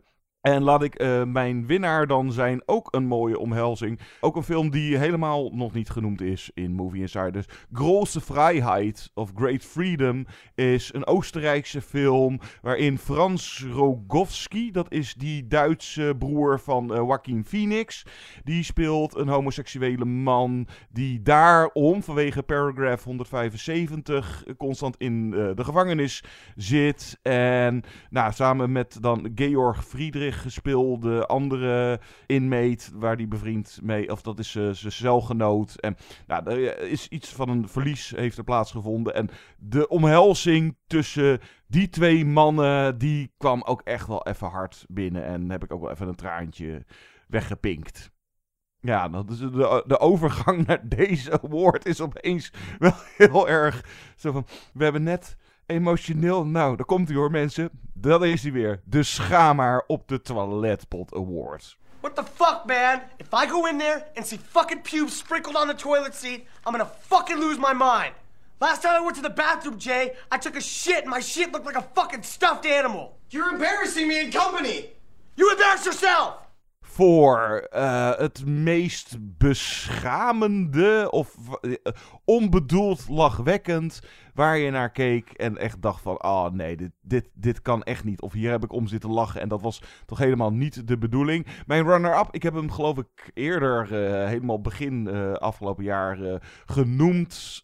omdat ik er toen vanuit ging, misschien rijk deze woord nooit meer. Ik zal nog één keer snel even kort samenvatten. Hij komt uit The King's Man. Daarin speelt hij Harris Dickinson, die ook dat, die mannelijke model speelt in Triangle of Sadness. Die speelt dan de zoon van Ralph Uh, en dat is, dat is aan het begin van de Kingsman. Voor dat wordt opgericht. En hij, het speelt ten tijde van de Eerste Wereldoorlog. En hij wil, ik, ik wil strijden. Ik wil meevechten in uh, de Eerste Wereldoorlog. Uh, ik wil strijden voor mijn land. En dan, ja, via een of ander trucje of wat dan ook. Hij doet zich voor als een ander. Of hij is verkleed als een Duitser, geloof ik. En dan belandt hij in een loopgraaf bij de Britten. Of een of andere gast die herke herkent dat hij het niet is. En die schiet hem door zijn kop heen. En die hartstikke dood.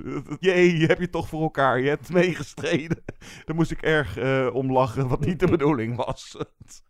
maar dan ga ik toch eh, voor mijn winnaar, voor de schamaar op de... Oh, dit was trouwens ook nog een aardige. De pratende foetus uit eh Bland. Die eh, had zomaar ook gekund. Maar dit vond ik wel echt beschamend. Eh, Clerks 3, hoewel de film niet eens vreselijk was. Maar Kevin Smith, die echt een struisvogelveer van schaamhaar in zijn reet steekt. Van, weet je nog dat ik bijna 30 jaar geleden een fantastisch eh, debuut maakte, Clerks? Nou, hè? ja, ik maakte 30 jaar geleden eh, en die maakten wij zo. En dan allemaal de herhalingen. Echt, nou, het, het narcisme droopt er vanaf bij Kevin Smith in eh, Clerks 3. Mijn schaamhaar op de toiletpot.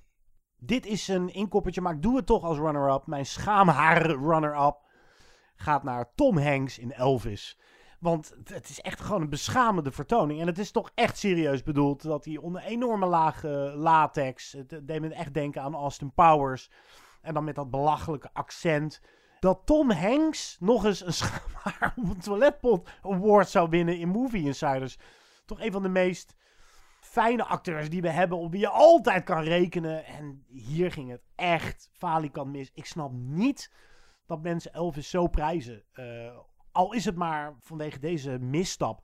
Maar dus ga maar op de Toiletpot Award gaat naar een film die volgens mij bijna niemand heeft gezien. De erotische thriller Deep Water. Eh, niemand? Ik, eh, Ik, nee. ik niet, nee. Van Adrian Lyne. Die maakte vroeger ooit Nine and a Half Weeks. En hij maakte nog het prima Unfaithful. Met eh, Diane Lane was dat geloof ik. Fatal Attraction is ook van hem. Ja, nou, die was Oh, bijna vergeten. Hetzelfde soort... eh, Ja, en hier gaat het tussen Ben Affleck en Anna de Armas. En die spelen een spelletje met elkaar. Maakt niet uit. Ik ga je ook weer spoileren. ben Affleck die probeert een, eh, een lijk te verzwaren en te dumpen in een eh, meertje. En die wordt betrapt door iemand. En die eh, rijdt vervolgens heel snel weg in zijn auto. En Ben Affleck die gaat er achteraan fietsen. dit is echt, dit is een en dit is een, een bike versus car chase. En je ziet Ben Affleck echt zijn longen uit zijn lijf fietsen. Neemt een shortcut door het bos. En het eindigt dan dat hij eh, voor de auto belandt. Eh, de automobilist eh, die schrikt daar zo van. Die draait zijn stuur om en knalt een ravijn in. En is hartstikke dood. nou, volgens mij is hier de schaamhaar op de Toiletpot Award voor gemaakt voor zo'n scène. De fietschase uit de erotische thriller Deep, Deepwater. Is hij zo grappig dat we de film ervoor moeten kijken? Of is die film zo slecht? Ja, nou kijk, kijk deze scène maar op YouTube en dan eh, Ja. verbaas je je ook net als ik. Nou, ja, eh, voor mij, eh, ja, Tom Hanks gaat twee beeldjes eh, mee naar huis nemen. Kijk, ja. Als runner-up, ja, het, is, het was gewoon te lachwekkend, te belachelijk. En dan Tom Hanks. Ik heb die eh, Pinocchio, die Pinocchio heb ik niet gezien. En daar begin ik ook niet aan. Maar Dat is goed dat je dat noemt trouwens, want Tom Hanks heeft zich inderdaad wel een beetje twee keer het- het afgelopen jaar Die heb ik niet belachelijk gezien, gemaakt Als nee. Geppetto. Nee, dat werkte ook voor geen meter. Nee. Maar inderdaad, dit, dit Transylvanische accent. Ze- Dat hij echt zegt van... Some people would make me out to be the villain of this here story. En dat moet dan een Nederlands accent zijn. of zo. Het is, nou, het is echt, echt beschamend. Eh, maar mijn nummer 1 gaat naar Samaritan. Naar eh, Sylvester Stallone himself. En een heel specifiek moment, namelijk een citaat. Want dit citaat vat het wel heel mooi samen. Dit zegt hij gewoon serieus over zichzelf, over zijn personage. Maar het slaat heel erg op Sylvester Stallone en eh, de film op zich. Hij zegt op een gegeven moment: I am not as strong as I once was. Things start to fall apart when you stop caring. And I stopped caring a long time ago. Toen dacht ik echt: ja, dat klopt. Zou je hem nog één keer willen doen, maar dan op zijn Stallones? Dit kan jij, Jasper. Oeh. Schuine mond. Ja, eh, zo? I'm not as strong as I once was. Things start to fall apart when you stop caring. And I stopped caring a long time ago. Nice. Lekker, Jasper. Frankly, my dear, I don't give a damn. De volgende awards. Eh, De Frankly, My Dear, I Don't Give a Damn Award. Die quote komt natuurlijk uit Gone with the Wind. Maar we gaan het een beetje letterlijk nemen. Dit is voor een film die niet per se heel slecht is. Maar ook niet heel goed. En waar je naar kijkt en denkt, ja, ach, whatever. I don't give a damn. Zo'n film die je meteen weer vergeten bent, zeg maar. Ja, en dat waren er best wel veel. Ja. En af en toe twijfel ik dan wel eens aan mezelf. Van oeh, eh, sta ik niet genoeg aan? Ben ik er niet voor in de stemming? Dat zijn allemaal kulsmoesen, maar ook hele menselijke eigenschappen, toch? Ik heb dat wel eens in een filmfestival. Dan heb je zoveel gezien en dan komt de film gewoon niet meer binnen. En dan hoor je vervolgens iedereen jubelen om je heen. Van, oh, deze gaat de palm winnen. En dan denk ik, oh shit, heb ik iets gemist? Uh, ik heb er twee kunnen vinden. Mijn runner-up is um, de nieuwe David O. Russell film Amsterdam. Met een geweldige cast. Wonder Christine Bale, Margot Robbie, um, Chris Rock, nou ja, Taylor Swift. Oh ja, dat was trouwens ook nog een prima schaamhaar op de Toiletpot Award geweest. Uh, de dood van Taylor Swift in Amsterdam. Ook een spoiler, het gebeurt in de eerste 10 minuten. Wordt doodgereden. Bam. Een soort meme is het. Maar Ja. is, is Amsterdam niet zo slecht dat hij eigenlijk... Nou, ik vond hem dus niet slecht. Ah, oké. Nee, ik vond hem zeker niet slecht. En er is iets aan de David O. Russell films wat ik toch ook altijd wel kan hebben. Dat is namelijk dat half geïmproviseerde, dat gewoon die gesprekjes onderling, zonder dat het echt per se ergens naartoe gaat. Ehm, dat is vrij uniek.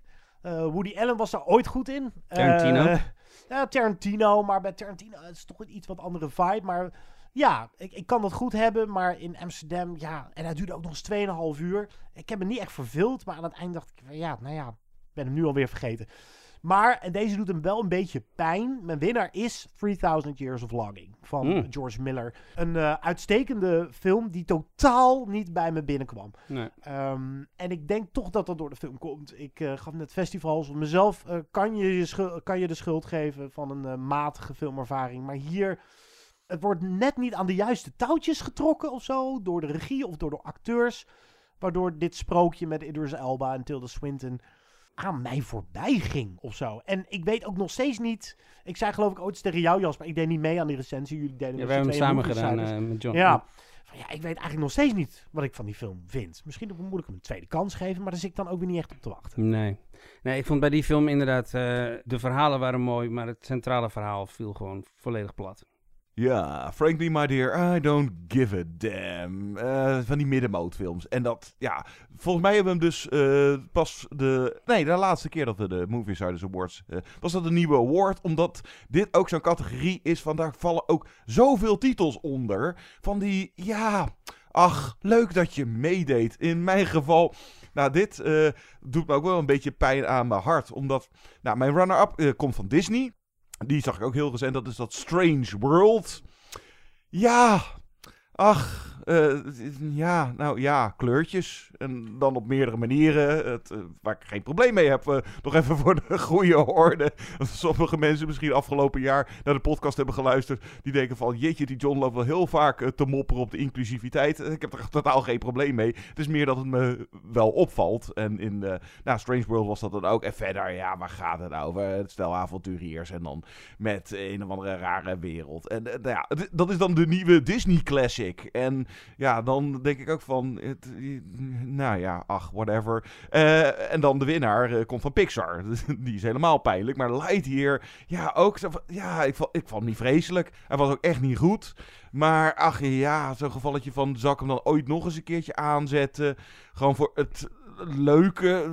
Nou ja, nee. Het, het waren echt, eh, zowel Disney als Pixar hadden dit jaar... Oké, Turning Red was wel gaaf van Pixar. Maar deze twee titels, dat ik echt dacht van... Ach, nou ja. Van die tussendoortjes. Het, eh, je kan er ook geen bel over vallen. Maar ik eh, was het vrijwel direct weer vergeten nadat ze waren afgelopen. Ja, dat ben ik dan met Lightyear niet helemaal met je eens. Die zou ik dan eerder in mijn Phantom Menace Award eh, categorie hebben gestopt. Omdat het gaat over een van onze favoriete Pixar personages. En die krijgt dan een hele matige prequel.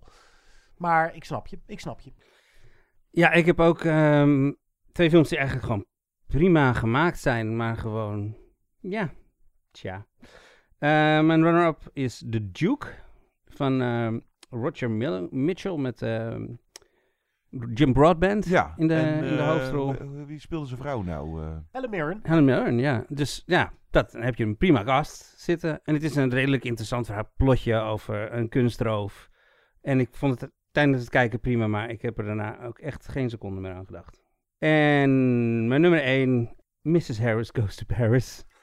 ja, van eh, Anthony Fabian. Ja, we hebben het er al over gehad hè, samen in de uitzending. Het is eh, echt zo'n dingetje van, ja, prima gemaakt, maar het doet me gewoon helemaal niks. Frankly, my dear, I don't give a damn. Dan wordt het eh, tijd voor eh, ons de laatste mm, kopjes thee en bakje koffie. eh, of bakje troost. Well, I shall see you in the morning.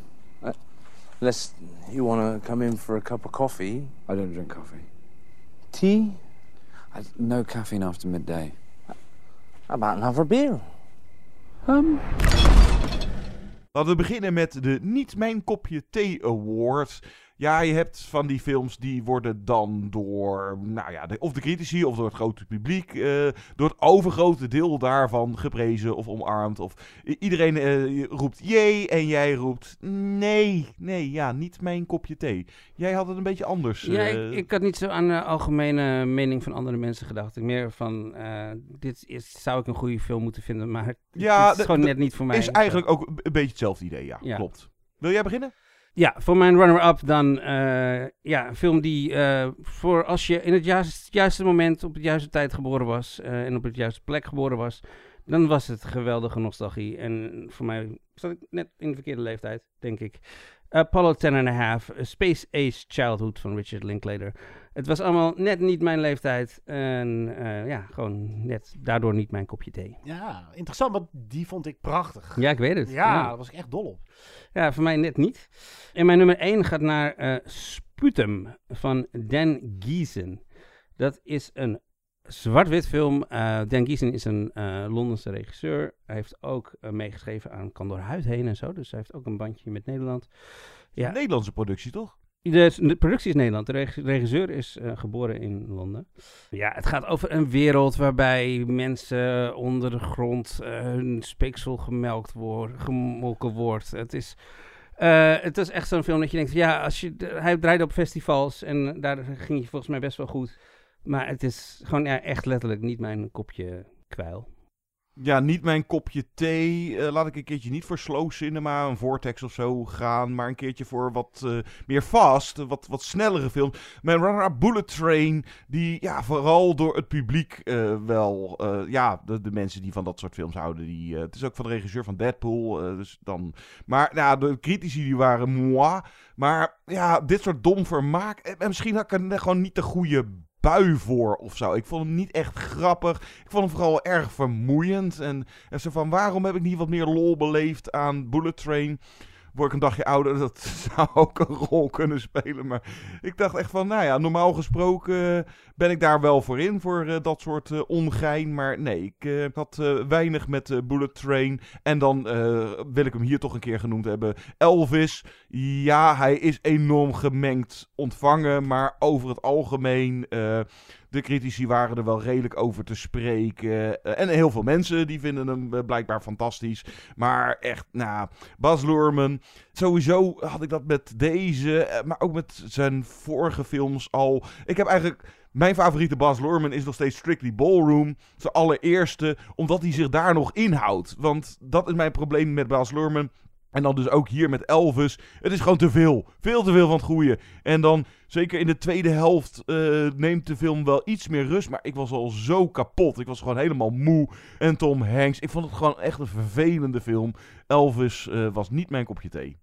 Hey, een overlapping. Bullet Train Ah. is mijn runner-up ook. Ja, eigenlijk om dezelfde redenen die jij geeft. Ehm, misschien word ik te oud voor die kolder. En eh, heb ik ook... Het valt ook niet bij mij zo in de smaak van die Guy Ritchie-achtige...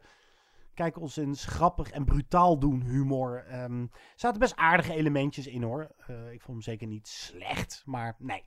Ik, eh, dit is zo'n film waar, waar ik sommige mensen over hoorde. geweldig. En ik ga hem nog een keer kijken, maar dat had ik totaal niet. Mijn winnaar is een film die volgens mij ook nog helemaal nergens te sprake is gekomen. Dat is A Good Nurse. Van Tobias Lindworm, of eh, Lindholm. dat is die eh, Deense regisseur van onder meer eh, Hijacking en War. Prima films, allebei. En dit gaat over... nou ja, Jessica Chastain speelt een IC-verpleegster die haar collega verdenkt van het ombrengen van patiënten in het ziekenhuis. En die wordt dan gespeeld door Eddie Redmayne. En er wordt gefluisterd dat hij daar een Oscar-nominatie voor gaat krijgen. Nou, hij is prima hoor, hij doet het prima. Het is overigens een waar gebeurd verhaal. Hij heeft, het is mogelijk een van de grootste seriemoordenaars ever. Hij heeft geloof ik, nou, het is nooit helemaal precies gepinpoint op een aantal, maar honderden patiënten omgebracht. En deze was mij gewoon te koud, te kil. Ehm, vertelde ook niet veel meer dan dat verhaal. Ik dacht misschien gaat het nog een beetje over, weet ik veel, eh, ehm, de eh, healthcare situatie in Amerika. Nou dat wordt dan licht aangestipt. Maar deze liet mij koud. Maar er is altijd een bakje troost. En deze prijs gaat dan naar een film die ik nog niet eerder genoemd heb. Of die gewoon is ondergewaardeerd eigenlijk. En dat is wel grappig, want dan komen we toch echt terug, Jasper, op Cyrano. Ja, leuk. Ja, nou ja, leuk. Jij vond hem slecht zelfs. Ja, maar leuk dat jij hem goed vond. Ja, ik had hier een enorm zwak voor. Het was een van de eerste films die ik eh, zag vorig jaar. En ik ging voor de bel voor deze film. En ik vind het zo leuk van Joe Wright. Ik sprak hem ook uh, voor een artikel in het AD. En hij zei, ik wilde ook een ouderwetse beetje wat, wat film maken, omdat die nooit meer worden gemaakt. En ik val daar altijd voor en ik hoop maar dat dat ook bij andere mensen het geval is. En dat was bij mij het geval. Uh, Peter Dinklage, inderdaad. Maar de sets zijn fantastisch. Uh, het verhaal is inderdaad lekker klef. Maar ja, ik, viel, ik viel echt voor deze film. En mooie muziek van The National. Uh, die heeft de, de score geschreven. De, de liedjes ook. Glenn Hansard zingt nog in een van de liedjes die, waar we misschien mee uit kunnen gaan, zat ik me te bedenken. Um, Wherever I Fall. Ja. Een heel mooi liedje. Dus had ik van tevoren al bedacht dat we daar mee eruit hey, wat gaan. grappig. Ja. Ja, nou, kijk, dat is dan een bakje troost Ja. jou dan weer. eh. dus dat is mijn, uh, mijn winnaar. De runner-up is een film die ik ook wat ondergewaardeerd vind. Uh, die ook een beetje langs me heen ging, maar waarvan ik wel de originaliteit prees. Dat is toch Matrix Resurrections. Hmm. Ja, dat is een wow. film waar we met z'n allen iets te makkelijk over hebben gedacht. Um, Lada Wachowski heeft echt een originele draai aan het verhaal gegeven. Het, het, enige is, we zijn gewoon klaar met de Matrix. Hier zat niemand meer op te wachten. En daarom deed hij geen goede zaak aan de kassa, geloof ik. En kreeg hij ook niet bijster positieve recensies. Maar het is een film waar meer in zit dan, uh, dan waar we hem uh, credit voor geven. Dus uh, ik wilde hem genoemd hebben. Een bakje troost voor de nieuwe Matrix. En nou, laten we ook wel hopen de laatste. Ja, ik had hier een, een rijtje films, omdat ik niet wist welke films allemaal genoemd zouden worden deze aflevering. En ik wil hier natuurlijk iets noemen wat nog niet genoemd is. Dus films um, als The Tender Bar en A Hero hebben we allemaal genoemd. Ik ga voor mijn runner-up voor Come On, Come On van Mike Mills. Oh ja, dat is ook een mooie, dat is een mooie inderdaad. Zo van, fuck, dat was een goede film, maar ja. nergens voorbij gekomen. Nergens voorbij gekomen. Hij zat in mijn hoofd ook een beetje in 2021. Uh, maar hij is toch echt in Nederland in 2022 uitgekomen. Prachtige hoofdrol van Joaquin Phoenix. Uh, zwart-wit film over uh, een man die voor zijn uh, jonge neefje moet gaan zorgen en daardoor verandert. Zoals we wel vaker gezien hebben. Dat verhaal is niet origineel, maar het is heel mooi uitgewerkt. En voor mijn nummer 1 voor Bucky Troost ga ik naar een film die wij echt volgens mij helemaal nog niet genoemd hebben. Kimi van Soderbergh. Och, dat was weer zo'n streaming release, toch? Ja, ja met Zoe Kravitz in de hoofdrol. Het is een beetje een uh, coronafilm. Uh, er worden mondkapjes gedragen. En het gaat heel erg over um, paranoia meeluisteren. De overheid of het, grote bedrijf luistert met je mee.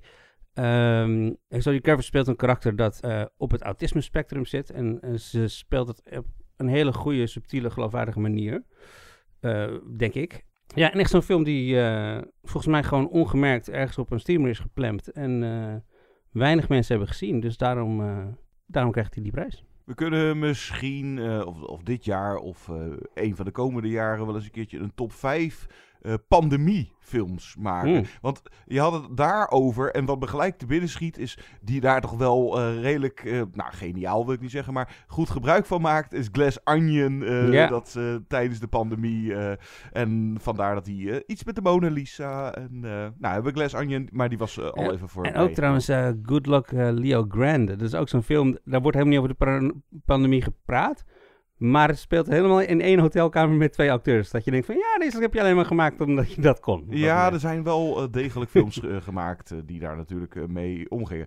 Bakkie Troostprijs. Gewoon films die gewoon ja, nog niet genoemd zijn. En Ik heb hier echt enorm van genoten. En ik wil hem toch. eh, mijn runner-up, Moonage Daydream. Wat ik een heerlijke trip vind. En hij is echt Bowie-waardig. Want, nou ja, de eh, Great White Duke, eh, Ziggy Stardust. Het, het, het, het komt allemaal voorbij. Maar de documentaire, de muziekdocumentaire over David Bowie natuurlijk. Is ook zo gemaakt dat het. Het, het, het, het past ook gewoon helemaal bij Bowie. Ik eh, vond hem fantastisch eigenlijk. En dan eh, Knor wil ik gewoon even genoemd hebben. Dat was dan mijn eh, nummer 1 Nederlandse film van dit jaar. Ja, ik had hem gezien. Ja, die, eh, Ik zat nog even te twijfelen van eh, waar zou, had ik die dan kunnen plaatsen. Weet ik even niet meer. Maar ik heb wel enorm gelachen om. Maar dat komt vooral ook door de stem van Alex Klaassen. Als Mhm. die hondentrainer. Ja, die spreekt hem op zo'n manier uit. Iedere keer. Dat, ja, dat, eh, maar dan heb ik Knor even genoemd. Nee, maar ik wou deze nog even inkoppen. Aangezien jij, eh, Jasper, eh, in de eindejaars top 10 eh, films van het jaar het over had. En waar zijn de Zuid-Amerikaanse titels dan? Nou, daar is de, de winnaar voor de Bakkie Troostprijs. Het Zuid-Amerikaanse. Uit Argentinië. Argentina 1985. Ah, ja. Five. Dat gaat over de rechtszaak die eh, gestart wordt. Die volgde na eh, de militaire dictatorschap van Pinochet. Eh, en de leiders daarvan die worden aangeklaagd. Met Ricardo Darin, uiteraard. Het is een Argentijnse film, dus dan zit hij erin. Maar dat is eh, voor eh, iemand die wel eens een Argentijnse film gezien heeft. Bijvoorbeeld The Secret in Their Eyes. nou, noem het maar. Dat is de, de Argentijnse Robert De Niro. Die speelt een van de hoofdrollen. En ja, dit gaat over de officier van justitie en de advocaten die die rechtszaak aanspannen tegen de foute mannen uit het Pinochet. Tijdperk. En heel aangrijpend, maar het verrassende van deze ontzettend goede film eigenlijk. eh, hij, hij kwam aardig in de buurt van mijn top 10 van eh, afgelopen jaar. Is dat het heeft ook een beetje een ehm droog-komische ondertoon. Het, het, is allemaal nooit te serieus of allemaal nooit te zwaar. Het zou me niks verbazen als deze een van de vijf nominaties scoort bij de aankomende Oscars voor eh, Best International Film. Argentina 1985. Hebben we toch wat Zuid-Amerikaans genoemd. Hij is eh, op eh, Amazon Prime. Eh, John, heb je nou eindelijk een film uit Zuid-Amerika? En dan noem je de verkeerde dictator. Oh shit. Pinochet is de dictator van Chili. Pinochet, die is van Chili natuurlijk. Fuck. Ik weet even niet hoe die van... eh nou ja, de, de Argentinië was meer gewoon een, een, een heel groepje geloof ik. Ja, nee, die van Argentinië was Fidela. Ik dacht Zorrieta. die had er iets mee te maken? Of... Dit waren de Movie Insiders Awards. En ik zie mensen met hele opgetogen gezichten. En ook een paar met een heel sip gezicht de zaal verlaten momenteel.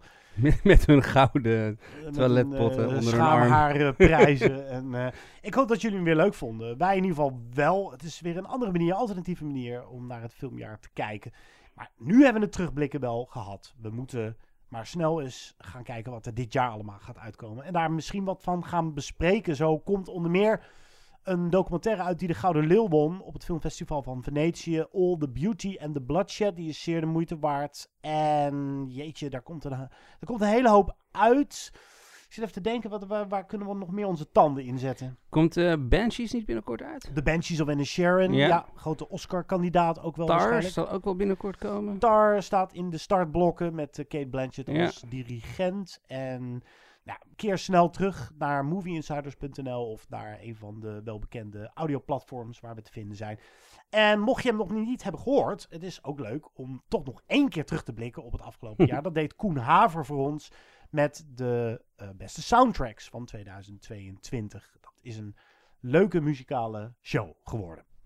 Ik hoop dat eh, alle winnaars en runner-ups eh, blij zijn met hun schamaren op de Toiletpot Awards.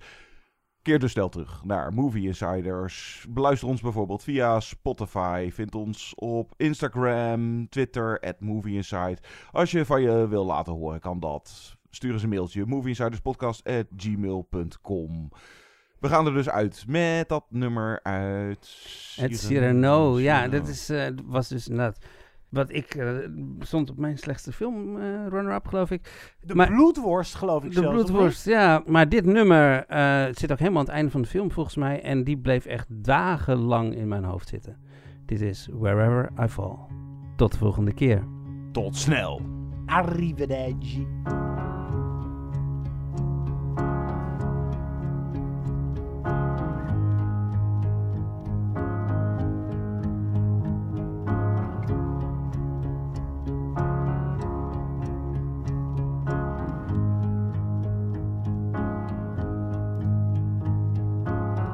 I have a wife I haven't seen since lilacs bloomed hit the lead. She always wears them in her hair, but she lets them fall down everywhere. I can see her in the glowing light, dressing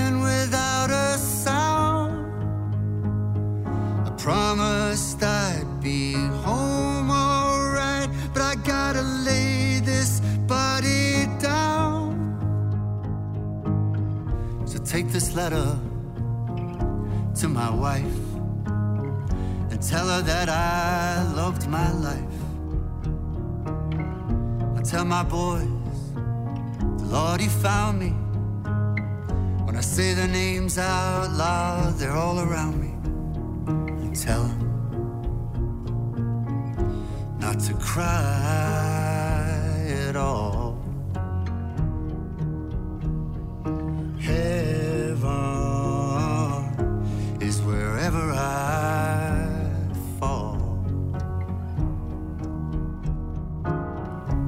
Have a girl, I think I love her. I should have told her, instead, I told her mother. I gave her chocolates, I bought a ring, but I never told her anything.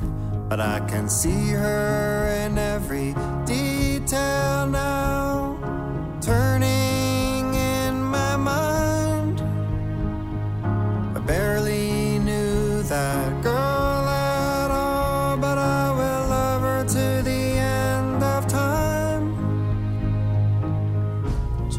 this letter to my girl.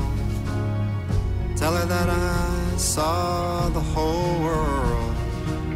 Say that right before I fell. I said her name out loud. Isabel. Tell her not to cry at all.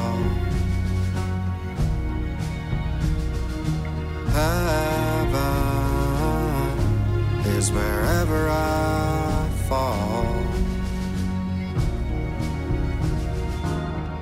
I have a father. He isn't well. Thinks he might be going to hell. He was a sinner.